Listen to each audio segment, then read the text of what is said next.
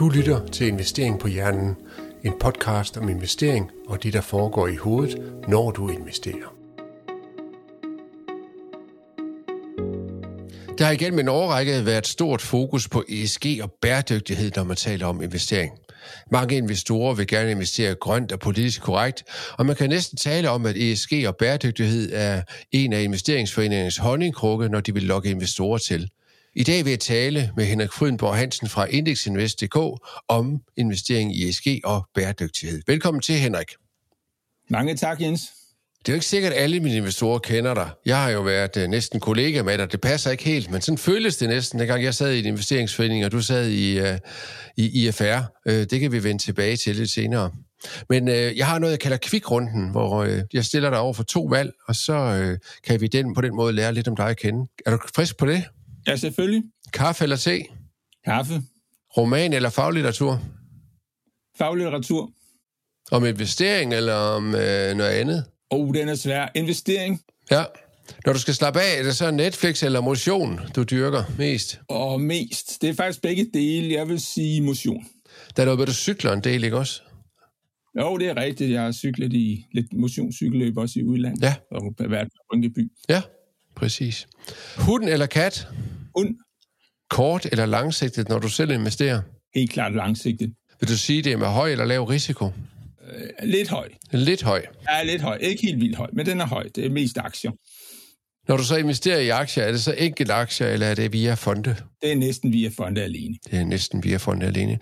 Jamen, øh, det var kvikrunden. Nu kender vi dig lidt bedre. Men lad os prøve at tage den mere traditionelle tilgang til sådan noget. Hvad er din baggrund egentlig, Henrik? Jamen, jeg er uddannet økonom for Aarhus, og jeg har arbejdet i investeringsbranchen en del år, blandt andet den gamle interesseorganisation, der hedder Investeringsfondsbranchen. Det er også der, hvor jeg mødte dig og senere Finans Danmark, og lige nu er jeg blandt andet redaktør på Index Invest, som skriver om ETF'er og investeringsfonde, og herunder bæredygtige fonde. Ja. Men øh, mest om passive fonde. Hvad er dit mål med Index Invest øh, egentlig?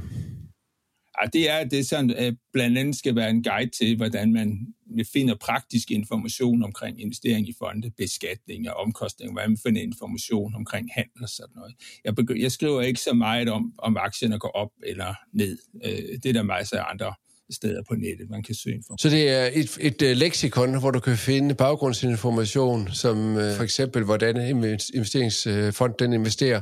Ja, blandt andet, og hvilke omkostninger den har, og hvordan den investerer. Ja. Det er der også noget, der er brug for. Øh, jeg ved, jeg har underholdt dig med den anekdote tidligere, men, men jeg prøvede at finde ud af noget omkring en enkelt fond inde på en af de store øh, internetbanker, eller for, øh, internetbroker, eller hvad man nu kalder øh, Nordnet. Og, og det var simpelthen rigtig svært at finde ud af alt det der inde bagved. Øh, og der tyder jeg til Index Invest, så øh, det kan jeg da kun anbefale andre også at gøre. Tak for det, Jens. Der har gennem en årrække været stort fokus på ESG og bæredygtighed, som jeg sagde tidligere. Det er både fra myndigheder, det er fra investorer, og det sørger også fra finansielle udbydere. Der kan være flere gode grunde til, at vi investerer bæredygtigt og i forhold til ESG. For eksempel så mener nogen, at selskaber med en høj ESG-rating måske er mindre risikofyldte. Har du også hørt det argument før, Henrik? Ja, det har jeg hørt mange gange før. Grunden til, at man mener, at øh, det kan være mindre risikofyldt, det er, at man så ikke regner med, at, at fonden kan komme i problemer omkring nogle miljøkrav, at der kan komme nogle problemer med medarbejderne for eksempel. Der er også øh, medarbejderforhold, som indgår i, i ski. Øh, man regner også med, at andre investorer måske vil have et mere positivt syn på aktien, hvis den har høj ESG-rating, så det kan være med til at holde en høj aktiekurs oppe. Ja, altså den sidste del, det er jo mere så i forhold til øh, et potentielt afkast, mens det første der, det er jo de der risici, ikke også, hvor, hvor det er jo ikke selve fonden, men de investerings, øh, investeringer, de har gjort, altså de selskaber, de har købt, der måske vil være bedre beskyttet over for sådan nogle krav. Ja. Men andre har jo en anden grund og en anden dagsorden, når de investerer. Det er jo, at de gerne vil investere grønt og dermed støtte virksomheder, der agerer i forhold til ESG. Der kan man jo så altid diskutere, om man som aktionær hjælper dem for det er jo ikke selskaberne, der får dine penge. Det er jo øh, en tidligere aktionær, medmindre det er i forbindelse med en børsnotering, du er inde og købe op. Men der er mange, der gerne vil ind og, og investere grønt på den måde også.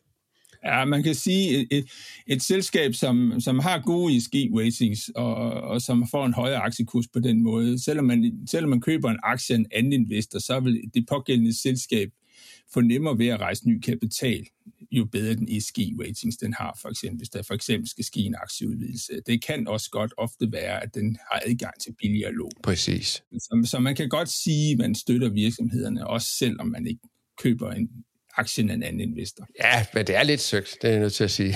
det er lidt søgt. Myndighederne de stiller også krav til, at man som investeringsrådgiver skal spørge ind til kunders holdninger i øh, for eksempel øh, omkring ESG, når de skal i gang med at investere. Hvad er formålet egentlig med det?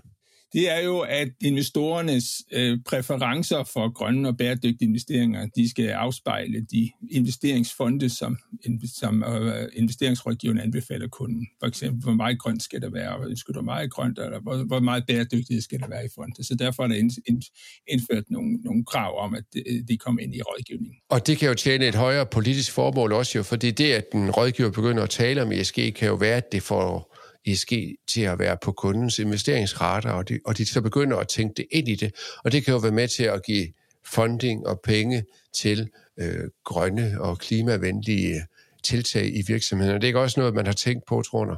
Jeg ved ikke, om, om målet direkte i sig selv har været, at, for, at investorerne skulle have flere ESG-fonde i deres portefølje, men øh, et af målene i hvert fald med den samlede pakke med EU's bæredygtige lovpakke, hvor det her indgår, det har jo været, at der skal flere midler til den grønne omstilling i Europa. Det kræver flere penge i ESG. Men øh, det har ikke været målet, at, øh, folk ikke har skulle investere i noget, de ikke har haft lyst til. Eller noget. Målet har med alt det har været, det har været, at der skulle være transparens, og det i højere grad skal afspejle det, som investorerne ønsker. Men det er også et spørgsmål, der er svært at, at, at svare øh, negativt til, kan man sige, ikke også? Fordi man sidder derovre for en rådgiver, og så spørger de så noget i stil med, men har du, har du lyst til at investere grønt og bæredygtigt i din portefølje, eller hvordan de nu formulerer spørgsmål i de forskellige institutter. Og, og det er jo svært, altså det politisk korrekte, det er jo ja, og det kender vi jo ud fra virkeligheden, hvor man har spurgt folk, øh, spiser I mere økologisk end for fem år siden, og så svarer de ja til det. Men man kan ikke se nogen positiv udvikling i salt af økologiske råvarer i samme periode. Så de løg jo. Og måske her bliver de så, fordi de bliver stillet over det, for det spørgsmål, så får de lyst til at svære politisk korrekt, og ender så med at investere efter ESG, selvom de måske var ligeglade, og egentlig bare ville have det, der gav det højeste afkast. Ja, det er ikke nemt helt præcist at vide. Vi har ikke rigtig set nogen undersøgelser, hvordan det er gået i forhold til rådgivningen nu. Nej. Men den her store fokus har jo, som jeg sagde i indledningen, virket som sådan en honningkrukke. Og med en honningkrukke, der mener man sådan et, en ting, der lokker investorer til, eller lokker folk til. Og i USA, der har man jo set fonde, der blot har tilføjet ESG til navnet for at tiltrække investorer. De ændrede ikke i investeringspolitikken eller i de selskaber, de investerede i. Tror du, vi har set noget lignende i, i EU, og, og måske endda også i Danmark? Der er i hvert fald ESMA, den europæiske sammenslutning af finanstilsynet, har lige for nylig lavet en undersøgelse, som viser, at øh, der er tilføjet ESG i navnet til en del fonde i Europa. Der er også en del fonde, der har ændret strategier til i højere grad at have fokus på ESG.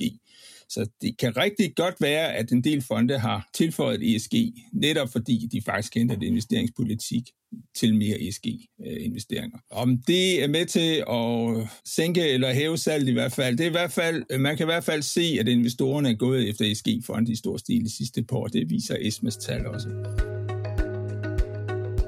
Du lytter til Investering på Hjernen med Jens Balle. Først og fremmest, så nede i show notes, der laver jeg link til den der rapport, så at øh, lytterne de kan komme hen og finde den. Og dernæst, så kan vi jo, øh, og der øh, tror jeg faktisk, vi er rimelig enige på nogle punkter omkring det, jeg vil til at sige nu, uden at jeg dog skal pushe min holdning over på dig. Men man kan jo altid diskutere om investeringsforeninger, om det er et push-produkt eller et pull-produkt.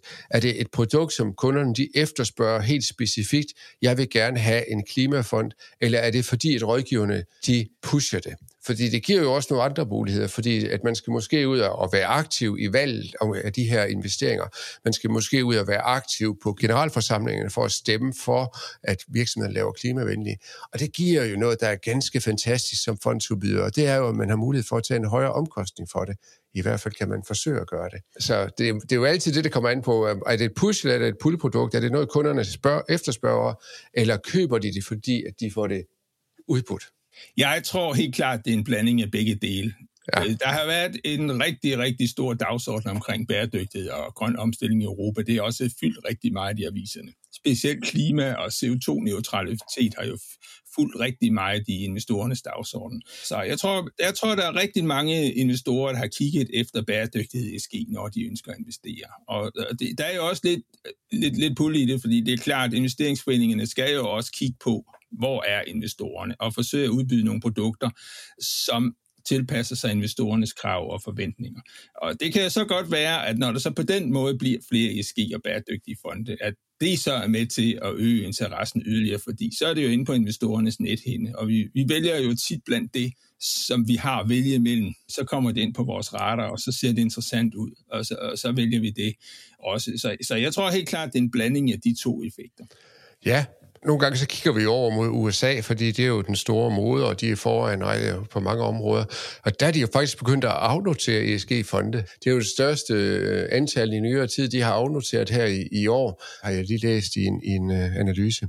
Tror du, det kan vise sig, at ESG det er endnu et tematisk investeringstilgang, der vil ende med at give investorerne en dårlig oplevelse? Ej, der er, men der er lidt der er lidt snak om her altså, øh, lige for tiden, hvad er ESG, og hvor, hvor meget kan, kan det bidrage med? Også fordi vi har nu rigtig, rigtig mange fonde, som har valgt ESG og, og brænder sig med det. Så nu får vi se. Det kan godt være, at der er en tendens så småt til, at man, man vil brande sig, at lave det lidt mere præcis tilgang hvad det er for noget, man er. Så ESG ikke nødvendigvis fremadrettet bliver den store salgsparameter, som det har været indtil nu. Og det er jo interessant, det du siger der, ikke også? Fordi at, øh, jeg tror, det er danske investorer, der har lavet en analyse af, hvor meget danske investorer egentlig ved om de her begreber og tiltag, øh, som blandt EU har lavet. Og jeg tror lige præcis det der med EU, de har lavet det her med nogle artikler, tre forskellige opdelinger af øh, investeringsfonde, og alt efter, hvor, hvor ESG eller bæredygtigt de investerer. Og det var jo under 10 procent, eller 10 procent, tror jeg, antallet var, der kendte til de begreber og forstod øh, fordelingen af dem? Ja, jeg har set analysen, og blandt andet FN's verdensmål er jo blandt det, som, som investorerne bedst havde kendskab til i analysen. Det var dog stadigvæk kun lidt over hver fjerde. Så, så der er lidt lang vej nu. Det er lidt teknisk i forhold til, til mange af de begreber, vi taler omkring, når vi taler ESG om bæredygtige investeringer. Så det er nok lidt noget, hvor investorerne har lidt svært ved, når det kommer ned i, i dybden ved det. Og det er faktisk også, fordi det er ikke, det er ikke lige så helt enkelt at bare sige, om et selskab er god eller dårligt på bæredygtighed eller ESG. Og det, det viser for de forskellige ESG-byråers ratinger jo også. Altså, der er delte mening om det her ret meget. Ja, for de er jo ikke nødvendigvis enige på, øh, på de der kriterier, selvom de hedder ESG Rating Bureauer eksempelvis jo. Så, øh, så kan de godt have forskellige øh, rating for det samme selskab. Ja, det kan man godt. Altså, et selskab, et ESG-ratingbureau, kan jo lægge større vægt på I'et, altså miljø, end for eksempel øh, ESG, som er sociale forhold, mens det kan være omvendt hos en anden bureau, og de enkelte selskaber, alt efter hvilke data man benytter, kan jo også lægge en anden vurdering hos de forskellige bureauer. Men det, det, er også, det er også noget af det, som EU er ved at kigge på, at der kommer større, der kommer større retningslinjer på ESG-ratings fremover. Spændende. Der er de her opdelinger, artikel 6, artikel 8 og artikel 9. Artikel 6, det er sådan den mildeste form for øh, klimavenlighed, og så stiger det så på 8, og 9 er, er den, hvor man så også skal være aktiv, tror jeg, på en øh, generalforsamling. Er det ikke nogen rigtigt? Og jeg ved ikke lige om præcis det generalforsamlingerne, artikel 9'erne behøver at være mest aktive. De skal i hvert fald have nogle klare mål om, hvad de vil med investeringerne, og de skal kunne dokumenteres efterfølgende. Og det, det er jo også for eksempel at investere i de rigtige virksomheder, som har noget, nogle målbare effekter på det, man laver. Men øh, investeringsforeningerne eller fondene, de er jo også forvirret om, hvordan de skal kategorisere de her forskellige ting. Er det ikke, er det ikke noget med, at man venter på nogle øh, retningslinjer fra ESMA, som er jo fondenes øh, europæiske organisation? Uh, jo, ESMA, det er Finanssyns europæiske organisation, og øh, det er jo således, at de her ting har været indført i etaper. Først så kom øh, den lovgivning om, at man skulle inddele i 6, 8 og 9, og så efterfølgende så kom der nogle tekniske standarder for, hvad man efterfølgende skulle rapportere på, og hvordan man skulle vise det. Og de kom så efterfølgende. I den periode var der så nogle, nogle fonde, der, der afventede på, hvad, hvad, hvordan skal vi gøre. Og der er faktisk øh, kommet nogle mere præcise krav nu fra, fra EU-kommissionen, der siger, at hvis du for eksempel har en artikel 9-fond, som også kaldes en mørkegrøn fond, så skal faktisk hele din portefølje være i bæredygtige investeringer. Bortset fra det, du for eksempel har i kontanter eller til afdækning. Så der har været lidt forvirring, og, og det betyder så, at, at mange klimafonde i Europa, mange ETF'er udbygget klimafonde, der selvfølgelig klimaindeks, de justerede sig ned til, til 8 for eksempel, fordi at de, de ikke helt præcis kunne opfylde kravene til nierne. Så der har været lidt, øh, men gradvist så er vi ved at, at, at se, at der er nogen, der er begyndt at vende tilbage til, til nierne igen, eftersom vi nu ved mere præcis de standarder, man skal rapportere efter. Har du idéer til emner eller gæster, du gerne vil høre mere om, kan du sende en besked fra hjemmesiden investeringpohjernen.dk. Vores hjemlige finanstilsyn de har også sat fokus på brugen af bæredygtighed i investeringsforeninger. Øh, de lavede en undersøgelse i 2022. Hvad gik den undersøgelse ud på? Altså Finanstilsynet undersøgte for otte af Danmarks mest bæredygtige fonde, altså artikel 9-fondene, om de oplysninger, som investorerne de fik omkring de bæredygtige investeringsmål, og, og så også investeringsprocessen i fondene for at opnå de her mål. Ja, og der kom resultat, det kom frem i, i februar måned i år, og her udtalte Finanstilsynet blandt andet. Det er vigtigt for forbrugere og investorer, at de modtager bæredygtighedsoplysninger på en måde, som til at forstå og som er fyldesgørende. Og så havde de en række anmærkninger eller kommentarer til øh, de her øh, otte øh, fonde. Hvad, hvad var det, de fandt ud af i hovedtræk? Altså i hovedtræk, så fandt Finanstilsynet ud af, at det kniber lidt med at beskrive i prospekter og i central investorinformation de bæredygtighedsmål, som fondene bidrager til igennem deres investeringer. Og øh, så skal det også forbedres, hvordan fondene sikrer, at investeringerne i fondene er overensstemmelse med målene. Og så kunne Finanstilsynet også godt tænke sig at se lidt mere omkring de bæredygtighedsrisici, som investorerne påtager sig, øh, for eksempel omkring miljø- og sociale og ledelsesmæssige begivenheder. Så det har Finanstilsynet bedt investeringsfondene om at stramme lidt op på, og så kan man også sige, at Finanstilsynet kigger også lidt i centrale investorinformation og prospektet, og der var ikke altid helt overensstemmelse mellem oplysningerne i de, de, de to, og øh, det skal selvfølgelig også rettes op. Selvfølgelig, selvfølgelig. Ja. Det er mindre ting. Men har det haft nogen effekt hos nogle af investeringsforeningerne? Er der nogen, der har droppet den her klassificering? Altså, klassificering kan man jo ikke droppe. Jeg har ikke set nogen, der har droppet deres ni klassificeringer. Men kan man ikke skifte til en 8? Det sagde du jo før, at man øh, oh, det kan man gjorde godt. i EU. Okay, det var det, jeg mener med det, om man ikke kunne droppe det. Jo, jo. Nå, det har jeg ikke set. Jeg går ud fra, at foreningerne er ved at rette op på de punkter, som Finanstilsynet har givet påbud om og at hele branchen selvfølgelig læser resultatet af timeundersøgelsen, som er i øvrigt den tredje timeundersøgelse, som Finanstilsynet har lavet omkring bæredygtige investeringer. Men som, som jeg nævnte, det er et regelsæt, som er kommet meget i etapper, med, hvor der er kommet mange løbende vejledninger fra ESMA og EU-kommissionen på, hvordan man skal opføre sig inden for det her regelsæt. Så derfor øh, kan der godt være lidt, så derfor er der sådan lidt frem og tilbage mellem at tilpasse sig, både fra EU-kommissionen og foreningens side, på at få det til at gå op. Men, men der er der også nogle af de her investeringsforeninger, der har simpelthen droppet ordet bæredygtighed i, i, i deres navn. Er det ikke uh, korrekt? Jeg har blandt andet set, at, at Nordea Invest her i sommer har droppet bæredygtighed i navnet. En generalforsamling, der var indkaldt så midt i sommerferien, hvor de så fik det ændret. Ja, det har, det, det har jeg set, og det, det er nok fordi, at det er en, øh, det er en artikel 8-fond, som måske ikke ønsker at brande sig på bæredygtighed så meget alligevel, fordi den ikke har bæredygtighedsinvesteringer som mål. Så, så det er jo igen under de her tilpasninger, som branchen er ved at lave. Ja.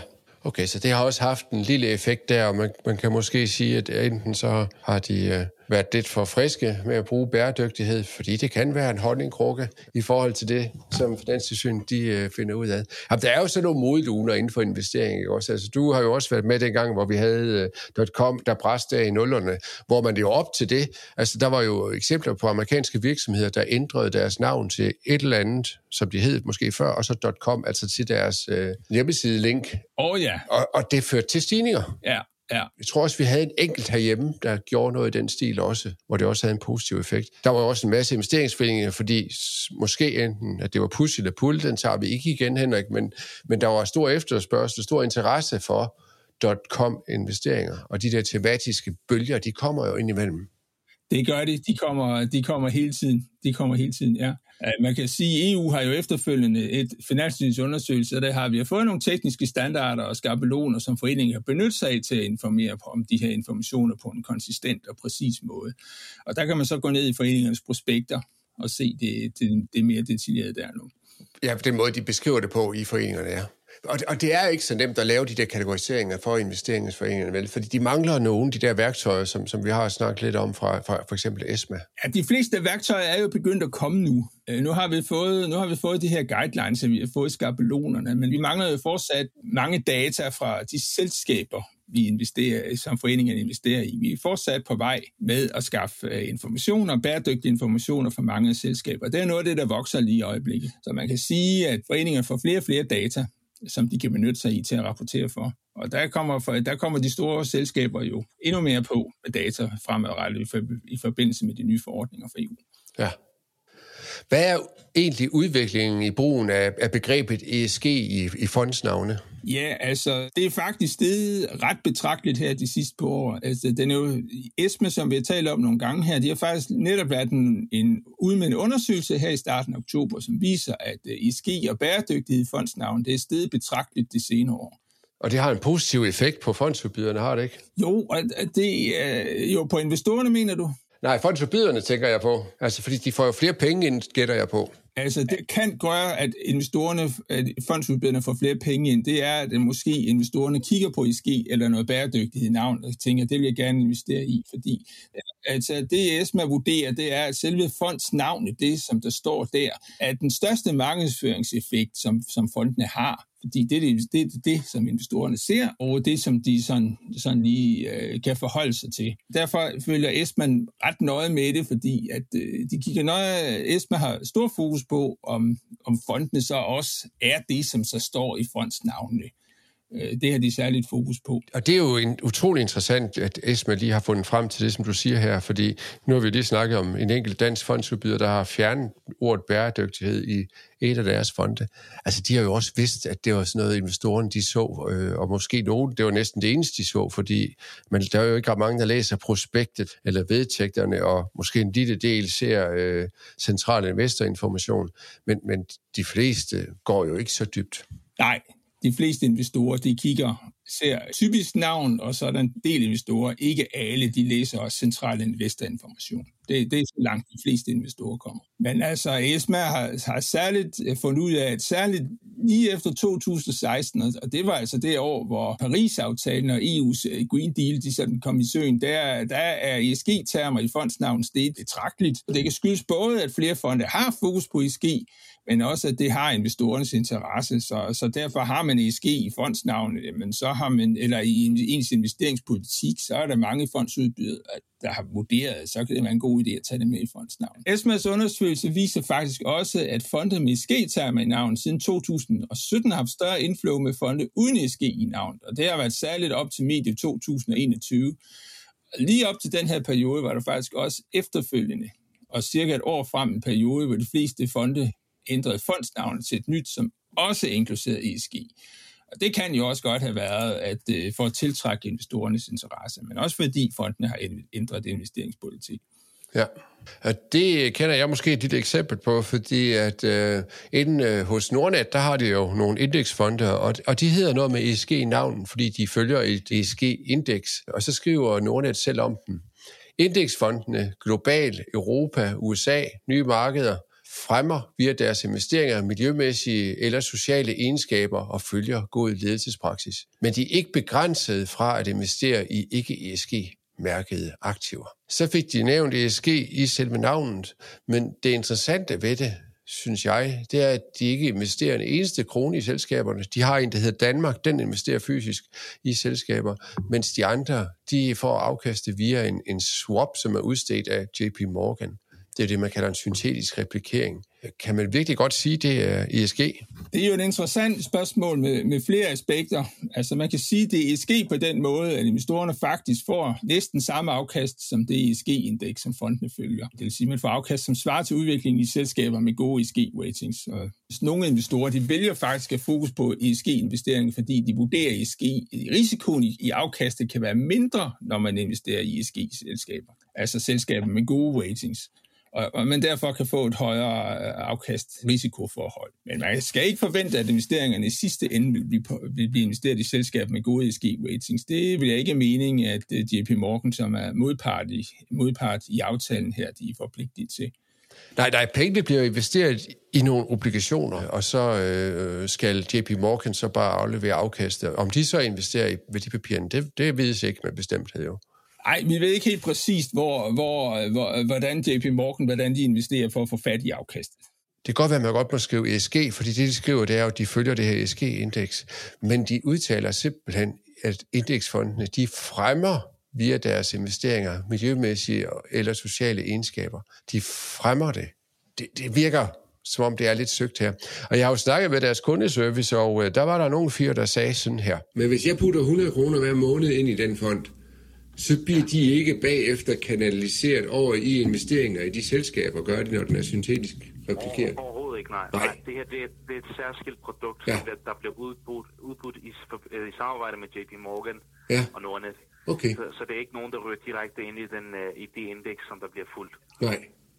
Øhm, og så kan man vel sige, så, så ja, det er øh, aktier, der er ESG, men mine penge gør ingen forskel, hvis jeg nu vil, vil være en religiøs investor. Præcis. Okay. Og på den måde, så, øh, så ved de jo godt selv, at de ikke bliver investeret i, i uh, selskaberne. Tror du, det er noget, at, at nogen kunne finde på at holde lidt øje med, eller, eller hvad skal vi uh, sige til sådan en, en, en udlægning af ting, som de har der? Ja, altså jeg vil, jeg vil sige, at hvis man kigger efter i Central Investinformation og den officielle fondsinformation, som fonden som Nordnet, ligger, øh, Nordnet linker til, så ligger der jo ikke skjul på, at øh, pengene er en syntetisk fond med et swap modpart. Så der står også, at de investeres blandt andet i primært europæiske statsobligationer og aktier, så, så det ligger de jo ikke skjul på. Så, så der, der, der er flere aspekter i det her. Man kan jo sige, at fonden er jo også weighted for eksempel Sustainalytics, som har givet dem en bæredygtighedsrating, for eksempel, som er rimelig god på 4 ud af 5 globuser. Så det er et af de her mange centrale temaer, som, som, der, kan, som der diskuteres, øh, i, for eksempel ifølge ISG og bæredygtighedsverden, hvordan man opgør de her ting. Du lytter til Investering på Hjernen. Husk at abonnere, så du ikke går glip af et afsnit.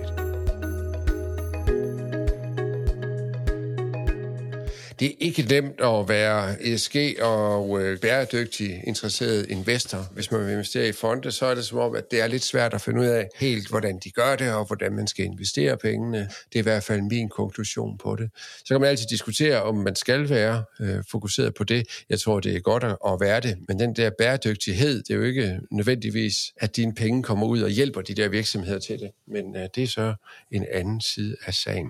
Det var interessant at snakke med dig omkring alt det her, Henrik det synes jeg. Jeg har lige jo nogle afsluttende spørgsmål, jeg håber, du har forberedt lidt på. Din egen bedste og dårligste investering? Den dårligste investering, jeg har foretaget, det vil nok være nogle af de der obligationsfonde, jeg har haft de sidste mange år. Nogle af den lidt ældre skole, som også har haft en øh, obligationsfond i, i, i min portefølje for at stabilisere afkastet, og det har ikke, har ikke været nogen større succes. Øh, jeg vil i hvert fald sige, jeg har ikke lige slået det, jeg vil lige kigge den anden dag, men altså lige i forhold til afkastet, så har det jo været ret lavt de sidste mange, mange år på grund af rentefaldene. I forhold til den bedste investering, jeg har lavet, nu foretager jeg jo ikke så mange enkelte aktieinvesteringer, men den bedste investering, jeg har lavet, det har jo nok været en, en del af den, jeg har haft i spareindex, Index, Index Growth Fonden, som har investeret øh, meget i tech og Tesla og sådan noget i USA. De, er, den har været sted ret kraftigt i de sidste 10-15 år på grund af, at der også fordi mange af vækstselskaberne og IT-selskaberne er stedet ret kraftigt i USA. Så det, det er nok den bedste investering, jeg har lavet. Ja, så obligationer, dem er du ikke så glad for, historisk i hvert fald, mens øh, growth-selskaber øh, har været interessante for dig. Har du en god bog om investering eller investorpsykologi, som vi kan give videre? Øh, det kunne også godt være, at du havde noget omkring det her ESG, som var interessant og til at forstå for menigmand. Altså, der er jo flere at vælge mellem, synes jeg. Der er mange gode, men uh, Random Walk Down Wall Street er en bog om investeringer, som har været populær i årtier, og det var faktisk også en af den første bøger om investeringer, som jeg selv læste. Den blev udgivet første gang i 73, men er nu blevet opdateret faktisk uh, flere gange. Det er faktisk også en af de første bøger, som rigtig er argumenteret for indeksstrategier, hvorfor det kan, for, hvorfor det kan være fordelagtigt for mange private investerere så billigt som muligt. Og den dækker faktisk både også øh, mange af de gode historier bagud i tiden på aktiemarkedet, men også i forhold til, til de seneste trends, vi har. Den sender vi videre. Hvis nu, at du skulle give et godt råd til dig selv som 25-årig, og nu gælder det ikke at sige, lad være at købe obligationsfonde. Den har vi været omkring. Men, men omkring investering, et godt råd, som du kunne give dig selv som øh, 25-årig, noget du godt vi har vidst dengang. Ja, altså jeg synes det vigtigste, man skal gøre som 25-årig, det er at få startet en månedsopsparing. Så, så månedsopsparingerne, de virker præcis det samme måned, som øh, betalingerne fra trækkes på betalingsservice. Så, så sikrer man sig netop, at der, der bliver investeret hver måned faktisk. Det er faktisk det, som al forskning viser, hvis du investerer løbende, så giver det det bedste afkast. Så for starten en månedsopsparing, og der kommer flere gode ud over Nordnet, så er der flere andre, der udbyder månedsopsparinger nu, hvor man kan tilbyde på, på fast basis. Der er faktisk flere banker, der begynder at, altså helt almindelige banker, der begynder også at kunne tilbyde det, så, så der sker noget på det område for tiden. Ja, altså det er begyndt at blive sådan lidt et konkurrenceparameter tilbyde af månedsopsparinger. Og jeg vil også sige, at det måske ud over en månedsopsparing, altså selvfølgelig, jeg vil nok sige, øh, investere så billigt som muligt, gerne i, i indeksfonde, men måske også et par aktier, som man synes, man gerne vil følge. Og, og så ved jeg godt, Jens, du siger, at man ikke skal følge nyhederne, øh, men jeg vil alligevel anbefale, følg nyhederne og se, øh, hvordan det går med dine investeringer, eventuelt både dine enkelte aktier, og, eller også i månedsopsparing i fonde, fordi det er faktisk en, en rigtig god måde at lære om økonomi på, fordi hvis du for eksempel man lige følger op på investeringerne og, og, og tænker og lige kigger på, hvordan det går månedsvis, om, hvad var det for finansielle nyheder, jeg læste om, og hvordan har det påvirket investeringer, så lærer man en masse om økonomi generelt, men også om det finansielle marked, så man går en god, god forståelse af Jamen, øh, de råd har vi sendt ud til alle andre 25-årige eller andre, der har lyst til at blive klogere på det, men jeg kan kun bakke op, komme i gang med motorsopsparing. Det er en rigtig god måde at komme i gang på. Tusind tak, fordi du ville lege med. Det har været en uh, hård fødsel. Vi har snakket om det flere gange, men jeg synes, det her emne det passer rigtig godt til at, at, at tage fat i dig. God fornøjelse med det videre arbejde med Index Invest. Øh, og mens du så sidder der og drikker kaffe og, og skriver artikler, så får du jo så sådan et investering på hjernen krus tilsendt, uh, som tak for, at du har været med. Ej, det er Og så kan det jo være, at du kan nå at lave en samling uh, af dem. Det må jo tiden jo vise, om du skal tilbage. Tusind tak for det, Henrik. Tak for det, Jens. Det var en rigtig stor fornøjelse. Du har lyttet til Investeringen på Hjernen med Jens Balle. Har du idéer til emner eller gæster, du gerne vil høre mere om, kan du sende en mail til info eller sende en besked fra hjemmesiden investeringpohjernen.dk.